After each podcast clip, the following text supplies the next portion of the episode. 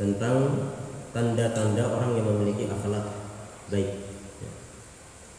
Ayakuna al haya, orang yang e, banyak memiliki rasa malu. Qalilal ada yang sangat sedikit berbuat buruknya. Ya. Salah yang banyak kesalihannya. Ini mengisyaratkan bahwa e, terkadang seseorang itu pun dia mengganggu orang lain, tapi dari sisi e, jumlahnya dia sangat sedikit ya. Demikian pula kathira salat, banyak solehnya. Ya, ini terkadang juga ada seseorang itu ada sedikit yang kurang saleh, tidak tidak 100% karena memang namanya manusia jemaah. Jadi ketika kita menilai seseorang itu akhlaknya baik itu tidak 100% atau jangan eh, apa, menilai berdasarkan bilangan 100% baru dikatakan akhlakul karimah kalau sudah 100% karena namanya manusia tidak bisa seperti itu. Makanya di sini ulama mengatakan ayatuna katsiral haya banyak malunya. Qalil qalil ada sedikit mengganggu orang lain. Katsir salah banyak salehnya soduk lisan soduk ya soduk itu bermakna sangat sangat sering jujur dalam perkataan lisannya. Ya, soduk itu sifat mubalaghah. Jadi orang itu betul-betul sangat luar biasa kejujurannya. Tapi seperti tadi yang kami sampaikan, manusia itu tidak lepas dari kesalahan. Qalil al-kalam, sedikit berbicara. Kathir al-amal, banyak berbuat. Qalil al-zalal, ya, sedikit ketergelincirannya. Qalil al-fudul, tidak berlebih-lebihan barran wasulan ya sangat senang berbuat baik wasul. Uh, wakuran tenang orangnya tenang. Saburan ya sangat penyabar. Sangat penyabar. Syakuran orang yang sangat berterima kasih kepada kebaikan orang lain. Syakur. Radhiyan ya orang yang gampang relanya. Itu hal-hal yang baik gampang relanya. Legowo gitu ya. Haliman haliman halim. Lembut wafiyan wafiyan orang yang suka menunaikan uh, amanah ya, atau tugas yang dibebankan kepadanya. Afifan orang yang suka menjaga diri. La la'anan wala sababan bukan orang yang suka melaknat bukan orang yang suka mencela. Ya bukan orang yang suka melaknat mencela wala namaman bukan orang yang suka adu domba. Wala muktaban bukan pula orang yang suka uh, apa? Menghibah menyebutkan kejelekan-kejelekan orang lain di muka umum. Wala ajulan bukan orang yang ajul ini orang yang tergesa-gesa terburu-buru berusaha-berusuh ya. Kemudian wala haqudan bukan orang yang dengki iri wala bakhilan bukan orang yang pelit. Wala hasudan bukan orang yang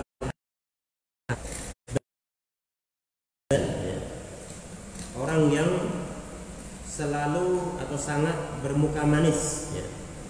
orang yang sangat bermuka manis. Asyazan sangat murah senyum. Yuhibbu fillahi wa dia akan cinta karena Allah dan benci karena Allah. Ini tanda uh, orang yang memiliki akhlakul karimah wa fillah wa fillah. Dia akan ridho di jalan Allah dan dia akan marah juga di jalan Allah. Ya.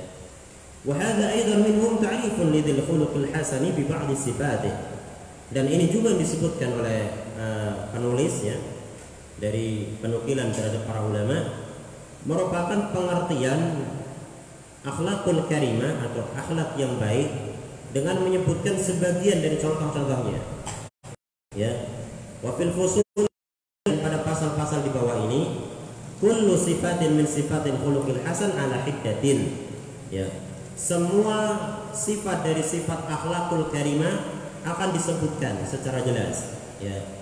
Wa bi istifai majmu'i tilka sifati yatashakhasul khalqu yatashakhasu al khuluqul hasan bi'tibari ajzaihi. Nah dengan e, memenuhi semua sifat-sifat yang disebutkan ini akan terlingkuplah akhlak yang mulia itu ya yang secara terpisah-pisah disebutkan oleh para ulama tadi. Nah, maksudnya apa aja? Maksudnya saya akan menyebutkan pasal di bawah-bawah ini yang pasal-pasal ini akan bisa melingkupi contoh-contoh yang disebutkan oleh para ulama tadi. Ya, untuk memahami akhlakul karimah di antaranya seperti yang kemarin kami sampaikan dari kitab yang lainnya. Ya, jadi saling melengkapi gitu semua. Kemudian saya di sini menyebutkan wa yad'aru yatamayyazu bil khuluqil hasani bi'tibari sifatihi. Maka akan nampak dan terbedakan orang yang memiliki akhlakul karimah ditinjau atau dilihat dari sifat-sifat yang ada pada diri dia. Ya, maksudnya kan tadi eh, sifat-sifat secara akhlakul karimah disebutkan sesuai atau berdasarkan contoh-contoh. Nah, sekarang akan dirapikan oleh penulis dengan pasal-pasal di bawah ini atau pasal-pasal berikutnya sehingga dengan memahami pasal-pasal tersebut orang akan bisa melingkupi ya secara semacam kaidah seperti itu atau ketentuan eh, akhlakul karimah yang disebutkan secara contoh-contoh tadi berdasarkan contoh-contoh tadi gitu ya baik yang pertama al fasl tsani fi khuluqis sabri wa ihtimalil adab pasal yang kedua tentang akhlak sabar tentang akhlak sabar wahtimali al-ada dan memikul gangguan. Jadi di antara akhlak jamaah sekalian sabar. Jadi antara akhlakul karimah adalah kesabaran dan sikap bersedia memikul beban gangguan. Memikul apa? Beban gangguan. Ada gangguan yang mengenai diri dia, dia pikul dengan penuh kesabaran. Baik, jadi sebetulnya ihtimalul ada nanti akan diterangkan oleh Syekh itu hampir sama dengan kesabaran ya Pak. Ya. Bedanya apa? Kalau ihtimalul ada itu lebih spesifik kepada perkara-perkara yang terkait dengan agama. Ya, lebih spesifik terkait Contohnya misalkan ada orang berpegang teguh kepada agama Islam, kemudian dia diganggu. Nah, dia kuat. Nah, ini pembahasannya ihtimalul ada. Ya, memikul apa? gangguan dibahasakan oleh Syekh seperti itu. Ya. Adapun kesabaran secara umum itu dibahasakan dengan kata as-sabru atau sabar. Baik, saya mengatakan min mahasini akhlaqil muslimin allati yatahalla biha as-sabru. Ya. Di antara akhlak yang bagus dari seorang muslim ya, yang mana ia berhias dengannya adalah kesabaran. Ya wahtimalul ada fi dzatillahi azza wa jalla dan bersedia memikul gangguan di jalan Allah. Jadi di antara akhlakul karimah jemaah, akhlak yang baik yang mana seorang muslim berhias dengannya adalah kesabaran dan mau memikul e, gangguan atau menanggung gangguan di jalan Allah Subhanahu wa taala. Kata Syekh Amma sabru, adapun sabar bahwa habsun nafsi ala ma takra. Adapun sabar maknanya adalah terkait apa yang engkau tidak sukai atau apa yang kau benci. Menahan diri terkait apa yang kau benci. Iya. Baik. E, habsu artinya menahan. An-nafsu diri atau jiwa. Jadi kalau dikatakan sabar habsun nafsi ala ma menahan diri atau menahan jiwa tatkala dia mendapati sesuatu yang tidak dia sukai. Iya. Atau ihtimalul makruh atau memikul sesuatu yang tidak dia sukai binau'in minar ridha wa taslim dengan cara ridha dan pasrah. Ya dengan cara ridha dan dan pasrah. Jadi jemaah sekalian tahan jiwa kita. Tatkala kita mendapati sesuatu yang tidak kita sukai dengan apa? Dengan ridho dengan kerelaan dan dengan kepasrahan kepada Allah Jalla wa ala taslim pasrah. Karena memang terjadi ya terjadi. Iya fal muslimu yahbisu nafsahu ala ma ala ma min ibadatillahi wa ta'atihi maka seorang muslim dia menahan dirinya terkait apa yang tidak dia sukai berupa peribadahan kepada Allah dan ketaatan kepadanya. Ya.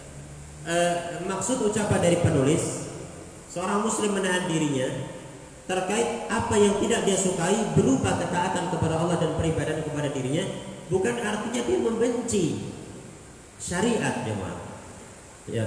Tapi maksudnya dia merasa berat terhadap syariat itu.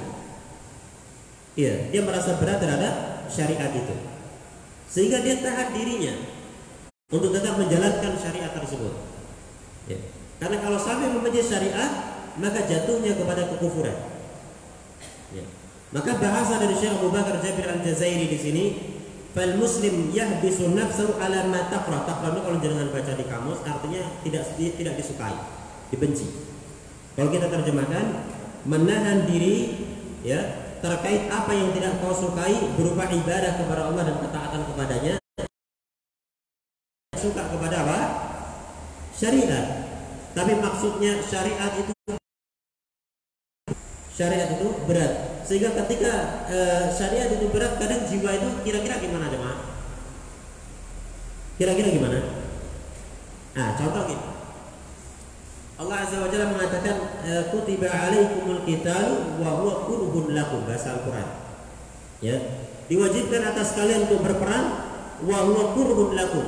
Padahal perang itu kurhun sesuatu yang tidak kalian sukai. Kira-kira jemaah perang sama enggak perang enak mana? Senang mana perang sama nggak perang? Senang? Senang nggak perang? Iya kan? Ya, perang dia ninggalin istrinya, ninggalin hartanya, tidak senang dia. Ya. Tapi karena ini perintah Allah Azza wa Jalla dia harus jalankan. Ya. Nah, ini maksud dari uh, menahan uh, diri dari perkara yang tidak kau sukai berupa ibadah kepada Allah. Maksudnya adalah ibadah kepada Allah sehingga kita untuk tetap bisa menjalankannya. Bukan artinya kita benci kepada benci kepada syariat. Karena kalau sudah benci kepada syariat, jamaah sekalian, maka jatuhnya kepada kekufuran. Ya, karena Allah Jalla mengatakan di dalam Al-Qur'an, "Dzalika bi annahum karihu ma anzalallahu fa ahbata a'malahum." Yang demikian itu karena mereka membenci apa yang Allah Azza wa Jalla turunkan fa'ahbatu a'malahum maka Allah azza wa jalla menghapuskan semua amal-amal kebaikan mereka. Jadi kalau sampai kita benci pada syariat, nah, jatuhnya ke kekufuran. Baik, selanjutnya wa yulzimaha bidzalika ilzama. Saya ulang dari awal. Seorang muslim dia menahan dirinya ya terkait apa yang tidak dia sukai berupa menjalankan ibadah kepada Allah dan taat kepada yulzimaha bidzalika ilzam wa yulzimuha bidzalika ilzaman. Memaksanya yakni memaksa jiwa memaksa untuk melakukan ibadah tersebut aman dengan sebenar-benarnya. Ya ditahan jemaah untuk taat. Ditahan diri kita untuk eh, paksakan jiwa kita, paksakan diri kita dengan sekuat tenaga untuk menjalankan ketaatan dan peribadahan itu. Ya. Wa ya'bisuha duna ma'asillahi azza wa jalla dan menahan diri untuk tidak berbuat maksiat kepada Allah azza wa jalla. Menahan diri untuk tidak berbuat maksiat kepada Allah azza wa jalla. Fala ya fala yasmahu laha bittirabiha maka janganlah seseorang itu memberikan toleransi kepada jiwa untuk mendekatinya. Janganlah seseorang memberikan toleransi kepada jiwa untuk mendekatinya. Wala ya'danu laha fi fi'liha mahma taqat lidzalika dan jangan pernah mengizinkan jiwa untuk melakukannya ya betapapun sangat ingin melakukannya sesuai dengan tabiat dasar jiwa itu. Karena tabiat dasar jiwa jamaah kata Allah Azza wa Jalla, "Innan nafsa la'ammaratun bisu." Sesungguhnya jiwa itu betul-betul memerintahkan yang apa? Yang negatif, yang buruk. Maka sekalipun jiwa itu ingin melakukannya karena berdasarkan cetakannya sifat dasar dari jiwa itu, tetap ditahan jamaah. Tetap tidak diizinkan. Ya. Wa hasyad dan sangat tergiur kepadanya wa yahbisuha 'ala al-bala idza nazala biha. Dan menahan diri ya terkait musibah idza nazala biha apabila musibah itu turun pada dirinya. Ya. Fala yatruk tajza'u. Seseorang membiarkan jiwa dalam keadaan tidak sabar. Wala taskhatu jangan biarkan jiwa dalam keadaan marah. Ya ketika ada bala jangan biarkan jiwa tak sabar ketika ada bala jangan biarkan jiwa marah ya kepada musibah tersebut Idil jaza'u kama qala al-ukama. Karena jamaah sekalian al-jaza' perasaan tidak sabar sebagaimana diucapkan oleh ahli hikmah al-fa'iti afatun. Ya. Bagi musibah yang telah berlalu ini akan menjadi suatu suatu penyakit. Ya, e, ketidaksabaran kalau musibahnya sudah berlalu jemaah terus menerus posisi tidak sabar hatinya tidak sabar dia akan menjadi penyakit. Ya. Wa dan ketidaksabaran itu kalau terkait dengan musibah yang sedang terjadi sakhafatun dia akan menjadi sesuatu yang melemahkan akal. Wasakhatu 'alal aqdari mu'atabatun lillahi al-wahid al-qahhar. Dan jamaah sekalian marah terhadap takdir ketentuan-ketentuan Allah Subhanahu wa taala merupakan bentuk dari celaan kepada Allah yang Maha Esa lagi Maha e, perkasa. Iya. Jadi ketidaksabaran atau kemarahan terhadap takdir ini merupakan bentuk celaan kepada Allah Subhanahu wa taala yang Maha Esa lagi Maha perkasa. Wa huwa fi kulli dhalika musta'in bi dzikri wa'dillahi bil jazaa al-hasani ala ta'at. Ya. Kata Syekh bahwa dan seseorang itu fikul dari dalam segala hal yang disebutkan tadi maksudnya apa jemaah? Ini isyarat dari Syekh Abu Bakar Jabir Al-Jazairi bahwa kesabaran itu ada pada tiga perkara. Ya, makanya para ulama mengatakan sabar itu terbagi menjadi tiga. Asobru salah satu anwa. Sabar itu tiga jenis. Yang pertama, as-sabru ala taatillah. Sabar untuk taat kepada Allah Subhanahu wa taala. Ya. Kenapa saat taat dia harus sabar? Karena jamaah sekalian, dia perlu untuk menahan jiwanya. Ya, jiwanya pengennya tidak menjalankan ibadah kepada Allah. Ya, jiwanya pengennya tidur. Jiwanya pengennya kenyang Ketika seseorang harus sholat malam, maka dia harus menahan jiwanya, menahan dirinya untuk tidak terus untuk, untuk, untuk tidak terus tidur. Ya. Ketika dia harus puasa, dia menahan ji, ji, apa, jiwanya, dirinya untuk tidak terus menerus kenyang dan lain sebagainya terus menerus. Ya dan seterusnya. Jadi untuk menjalankan ketaatan kepada Allah butuh untuk mengekang jiwa. Makanya kata ulama as-sabru ala taatillah sabar untuk menjalankan ketaatan kepada Allah. Ya. Kemudian yang kedua jemaah sekalian as-sabru an ma'asillah. Sabar untuk tidak berbuat kemaksiatan kepada Allah. Karena jemaah sekalian jiwa di satu sisi pengennya malas, ya. Di sisi yang lainnya dia pengen yang melakukan hal-hal yang negatif. Sebagaimana tadi disebutkan, inna nafsa la ammaratun bisu illa man rahimah rabbi.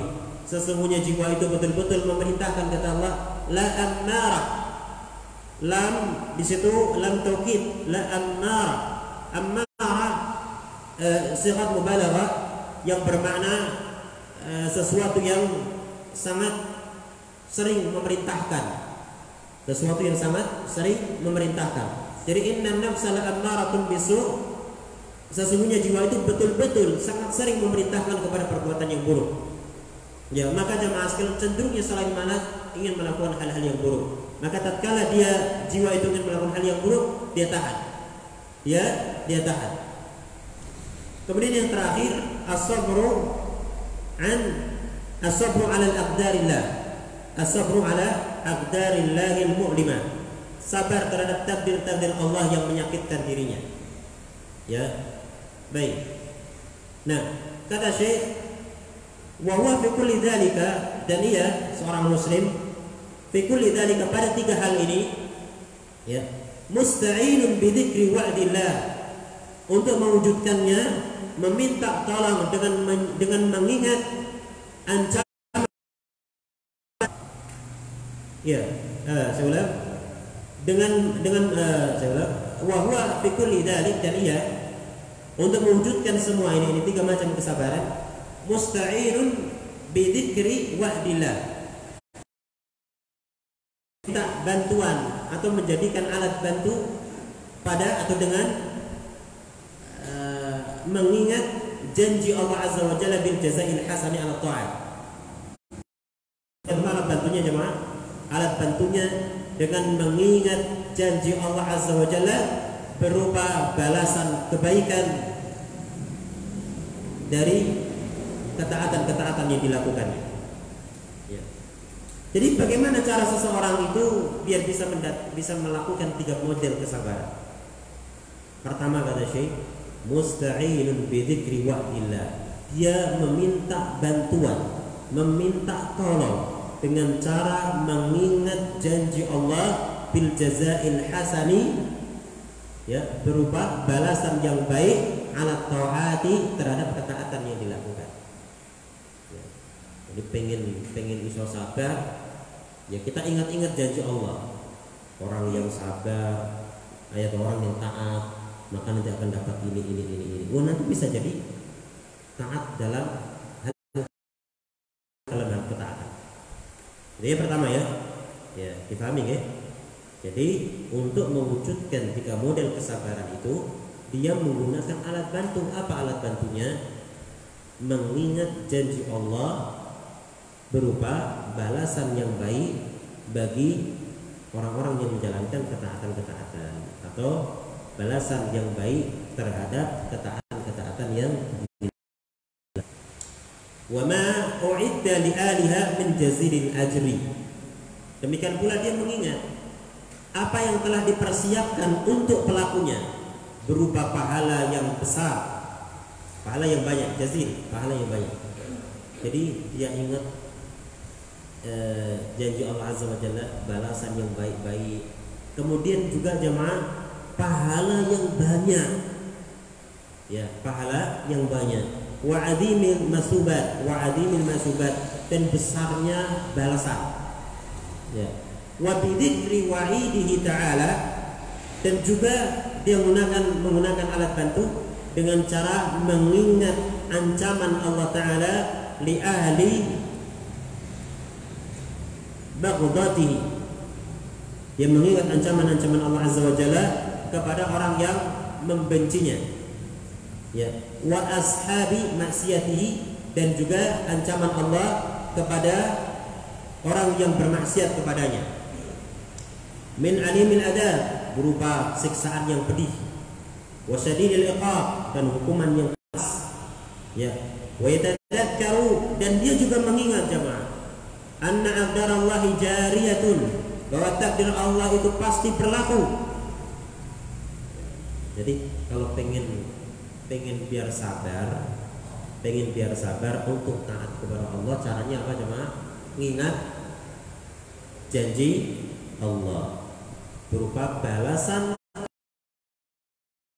ya ingat janji Allah berupa surga apa ingat janji Allah berupa banyak yang disiapkan bagi pelakunya. Ya. Mengingat janji Allah berupa balasan yang besar. Ya. Kalau dia ingin sabar untuk meninggalkan kemaksiatan atau agar bisa menjalankan kemaksiatan maksud saya, maka dia harus ingat ancaman Allah Azza wa Jalla kepada orang-orang yang membencinya, membenci Allah. Ya. Apa ancaman Allah bagi orang yang membenci Allah? Ya. Demikian pula apa ancaman Allah bagi orang yang bermaksiat kepada Allah, mendurhakai Allah, menyelisih Allah Jalla wa ala. Demikian berupa siksaan yang pedih. Ancamannya itu jemaah berupa siksaan yang pedih. Demikian pula hukuman yang sangat berat. Ya, kalau uh, untuk sabar atau agar supaya bisa sabar terhadap musibah, terhadap takdir, maka dia ingat anak Allah jariyah bahwa takdir-takdir Allah Azza wa Jalla itu pasti berja, berlaku, berjalan. Wa anna qada'ahu ta'ala adlun dan dia juga harus ingat bahwa ketetapan Allah itu adil. Ya. Wa anna hukmahu nafidun dan hukum Allah itu berlaku atau terlaksana. Hukum Allah itu terlaksana. Ya. Sabar al-abdu am jazi'a. Mau hamba itu sabar atau mau nggak sabar? Ya. Jadi ingat jemaah, kalau misalkan Eh, kita kena musibah ya kena musibah itu kita ingat bahwa kalau ini sudah ditakdirkan ya pasti akan akan berjalan. Ya. Demikian pula kita harus ingat bahwa semua yang ditakdirkan oleh Allah itu keadilan. Dan hukum Allah pasti terlaksana. Hukum Allah pasti terlaksana. Ya. Entah ah, seorang hamba itu mau sabar. Ghair anna ma'as hanya saja kalau dia sabar. Ya. Wa ma'al jazai al wizru. Kalau dia tidak sabar dia akan dapat dosa. Ya, gitu cara mengingatnya. Ya. Walamma kana sabru wa adamul jazai من الأخلاق التي تكتسب وتنال بنوع من الرياضة والمجاهدة فالمسلم بعد افتقاره إلى الله تعالى أن يرزقه الصبر فإنه يستلهم الصبر بذكر ما ورد بذكر ما ورد فيه من أمر وما وعد عليه من أجر Nah kata Syekh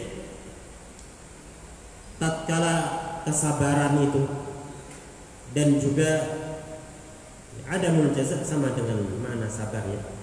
Ada tatkala kesabaran itu termasuk dari akhlak yang diusahakan dan akhlak yang bisa didapatkan dengan berbagai macam latihan dan perjuangan. Ya, jadi saya menggolongkan jamaah sabar itu akhlak atau termasuk dari akhlak yang diusahakan. Ya, akhlak yang dipelajari, dipelajari, diusahakan dengan melakukan bermacam jenis latihan dan perjuangan. Ya, maka di sini sangat-sangat jarang sekali akhlakul karimah sabar ini muncul secara alamiah atau jabalah ya, kita ingat ya pelajaran kemarin sampai kalau Syekh akhlak itu ada dua macam. Ada yang sifatnya apa? Jabalah asli. Yang muncul dari diri kita tak perlu latihan-latihan apa. Ada yang sifatnya apa?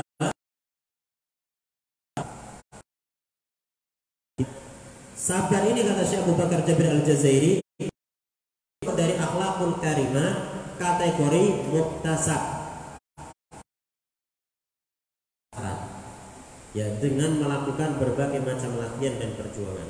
Nah kata Syekh, karena sabar itu merupakan akhlak yang diusahakan dapatkan dengan melakukan berbagai macam latihan dan perjuangan, maka seorang muslim setelah dia merasa butuh kepada Allah, agar Allah memberikan dia rizki berupa kesabaran. Jemaah. Seorang muslim setelah dia merasa butuh kepada Allah agar Allah memberikan kepada dia rizki berupa kesabaran. Artinya poin pertama jemaah, dia berharap kepada Allah Azza wa Jalla untuk diberi kesabaran. Mohon kepada Allah. Ya. Yang kedua, yastalhimu ya setelah dia saya bacakan sesuai dengan kalimat penulis ya seorang muslim setelah dia merasa butuh kepada Allah untuk diberi rizki berupa kesabaran ia ya me, apa fa inna yastalhimu yastalhimu sabra maka seorang muslim itu meminta ilham berharap ilham atau berharap ya ilham ya bahasa Indonesia berharap ilham untuk bisa sabar dengan cara mengingat. Ya mengingat apa yang disebutkan dan mengingat hadis-hadis atau ayat-ayat yang disebutkan berupa perintah untuk itu. Janji-janji yang disebutkan berupa dia agar supaya bisa mendapatkan kesabaran Pertama, mohon kepada Allah. Yang kedua, caranya biar dia dapat ilham. Ya, bukan sambil tidur. Dapat dia dapat ilham. Caranya adalah dia banyak mengingat ayat-ayat hadis-hadis yang memerintahkan kesabaran. Dia juga banyak mengingat ayat-ayat atau hadis-hadis yang menjanjikan pahala bagi orang yang sabar. Kaqalihi ta'ala seperti firman Allah Ta'ala Ya ayuhalladzina amanu sabiru wa sabiru wa rabitu Wattaqullaha la'allakum tuflihun. Wahai orang-orang yang beriman Isbiru bersabarlah. Wasabiru dan bersabarlah. Warabitu dan berjaga-jagalah. Wattaqullaha dan bertakwalah kepada Allah La'allakum tuflihun. Mudah-mudahan kalian mendapatkan keberuntungan. Surat Al Imran ayat ya.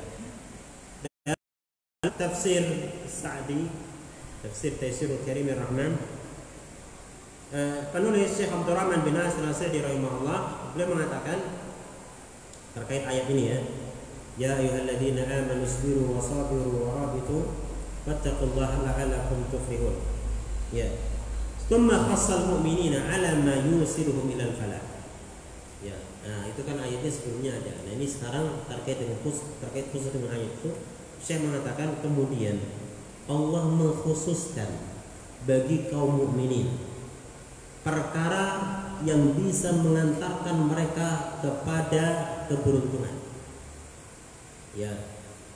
Wa anna tariqa al-musila ila dhalik dan kata Syekh jalan yang bisa mengantarkan kepada keberuntungan itu luzumus biasa bersifat sabar. Kata Syekh ya. Alladhi huwa habsun nafsi ala ma takrah. Yang mana sabar itu adalah menahan diri terkait perkara yang engkau tidak sukai. Atau menahan diri terkait perkara yang tidak disukai oleh jiwa. Takrah e, mungkin lebih tepatnya tidak disukai oleh jiwa. Mintarkil ma'asi berupa meninggalkan kemaksiatan. Ini maksudnya ya, sabar berupa meninggalkan kemaksiatan. Wa minas sabri 'alal masaib dan juga sabar menerima musibah. Wa 'alal awamir istaqila 'alal nufus dan juga sabar untuk melakukan perintah-perintah yang berat bagi jiwa. Fa amarahum bis sabri 'ala jami'i dzalik, maka Allah Azza wa Jalla memerintahkan sabar terkait hal itu semuanya. Maksudnya apa jemaah sebagaimana dalam tafsir yang lainnya? Ayat ya ayyuhalladzina amanu sabiru wahai orang-orang yang beriman bersabarlah. Kata bersabarlah yakni bersabarlah terkait dengan menjalankan ketaatan, meninggalkan kemaksiatan dan menghadapi musibah. Adapun lafaz uh, wasabiru wasabiru al-musabara ay al-mulazama wal istimrar ala dzalika ala dawam Mana wasabiru artinya senantiasalah dan terus meneruslah bersabar. Ya, apa sih bedanya antara isbiru wasabiru? Kan sama-sama dari kata sabar sabar. Ya, kalau yang pertama perintah bersabar dalam tiga perkara itu, kalau yang kedua jamaah perintah untuk apa? Terus menerus ber bersabar, mulazamatu sabri. Ya, wa muqawamatul a'da fi jamil ahwal dan makna wasabiru kandungan makna wasabiru yang kedua adalah senantiasa melawan musuh pada semua keadaan. Artinya jamaah kalimat wasabiru di sini e, perintah bagi kaum muslimin untuk senantiasa dia siap sedia menghadapi musuh bagaimanapun keadaannya. Ya. Oleh karena itulah sebagian ahli tafsir, seingat yang saya baca, Kalimat wasabi ini terkadang mereka menyebutkan ini terkait dengan musuh. Terkait dengan apa? Musuh. Ya. Kalau isbiru terkait ketaatan, ibadah, kemudian meninggalkan kemaksiatan, kemudian e, menerima musibah. Tapi kalau wasabiru itu terkait melawan siapa? Musuh. Siap. Ya. Bentuk ketidaksabaran dalam melawan musuh adalah mundur. Ya. Makanya di sini Syekh Abdurrahman bin Nasir di dalam tafsir ringkas beliau wa muqawamatul a'da. Ya wa muqawamatul a'da fil jamil ahwal dan muqawamah ya eh, apa melawan musuh ya, dalam segala keadaan. Harus berani. Ya. wal murabitah adapun murabitah warabitu artinya luzumul mahal alladhi yukhafu min wusul min wusul al aduwi minhu. Mana warab itu? Artinya menetapi tempat yang dikhawatirkan musuh masuk darinya. Ya. Nah ini perintah bagi kaum muslimin untuk menjaga perbatasan-perbatasan wilayah mereka. Ya, ini perintah dari Al-Quran. Menjaga perbatasan-perbatasan wilayah mereka yang dikhawatirkan musuh masuk melalui kawasan tersebut. Wa yuraqibu a'da'ahum. Ya. dan mengawasi musuh mereka. Wa yamna'uhum min al-musuli ila maqasidihim. Dan menghalangi mereka dari memasuki wilayah kaum muslimin. La'allahu yuflihun ayafuzuna bil ma'bub ad-dini wa dunyawi. Kuna min al-makruhi kadzalik. Nah eh, la'allahum mudah-mudahan atau la'allakum tuflihun mudah-mudahan kalian kata Syekh maksudnya keberuntungan dengan mendapatkan sesuatu yang dia cintai baik terkait dengan dunia dan akhirat. Karena ketika seseorang itu dia kepada Allah Azza wa Jalla dengan menjalankan menjauhi kemaksiatan dan menahan dari musibah, sabar terkait dengan musibah, demikian pula dia sabaru ya dia sabaru senantiasa melakukan kesabaran itu Demikian pula dia senantiasa siap untuk menghadapi musuh kapan pun, bagaimanapun keadaannya. Ya, dan dia berjaga-jaga di batas kaum muslimin, maka dia akan mendapatkan apa? Akan mendapatkan kebahagiaan baik dunia ataupun akhirat. Ya. Kemudian hadha annahu la sabila ila al-falah biduni sabri wal musabarah wal murabata al-madhkurah.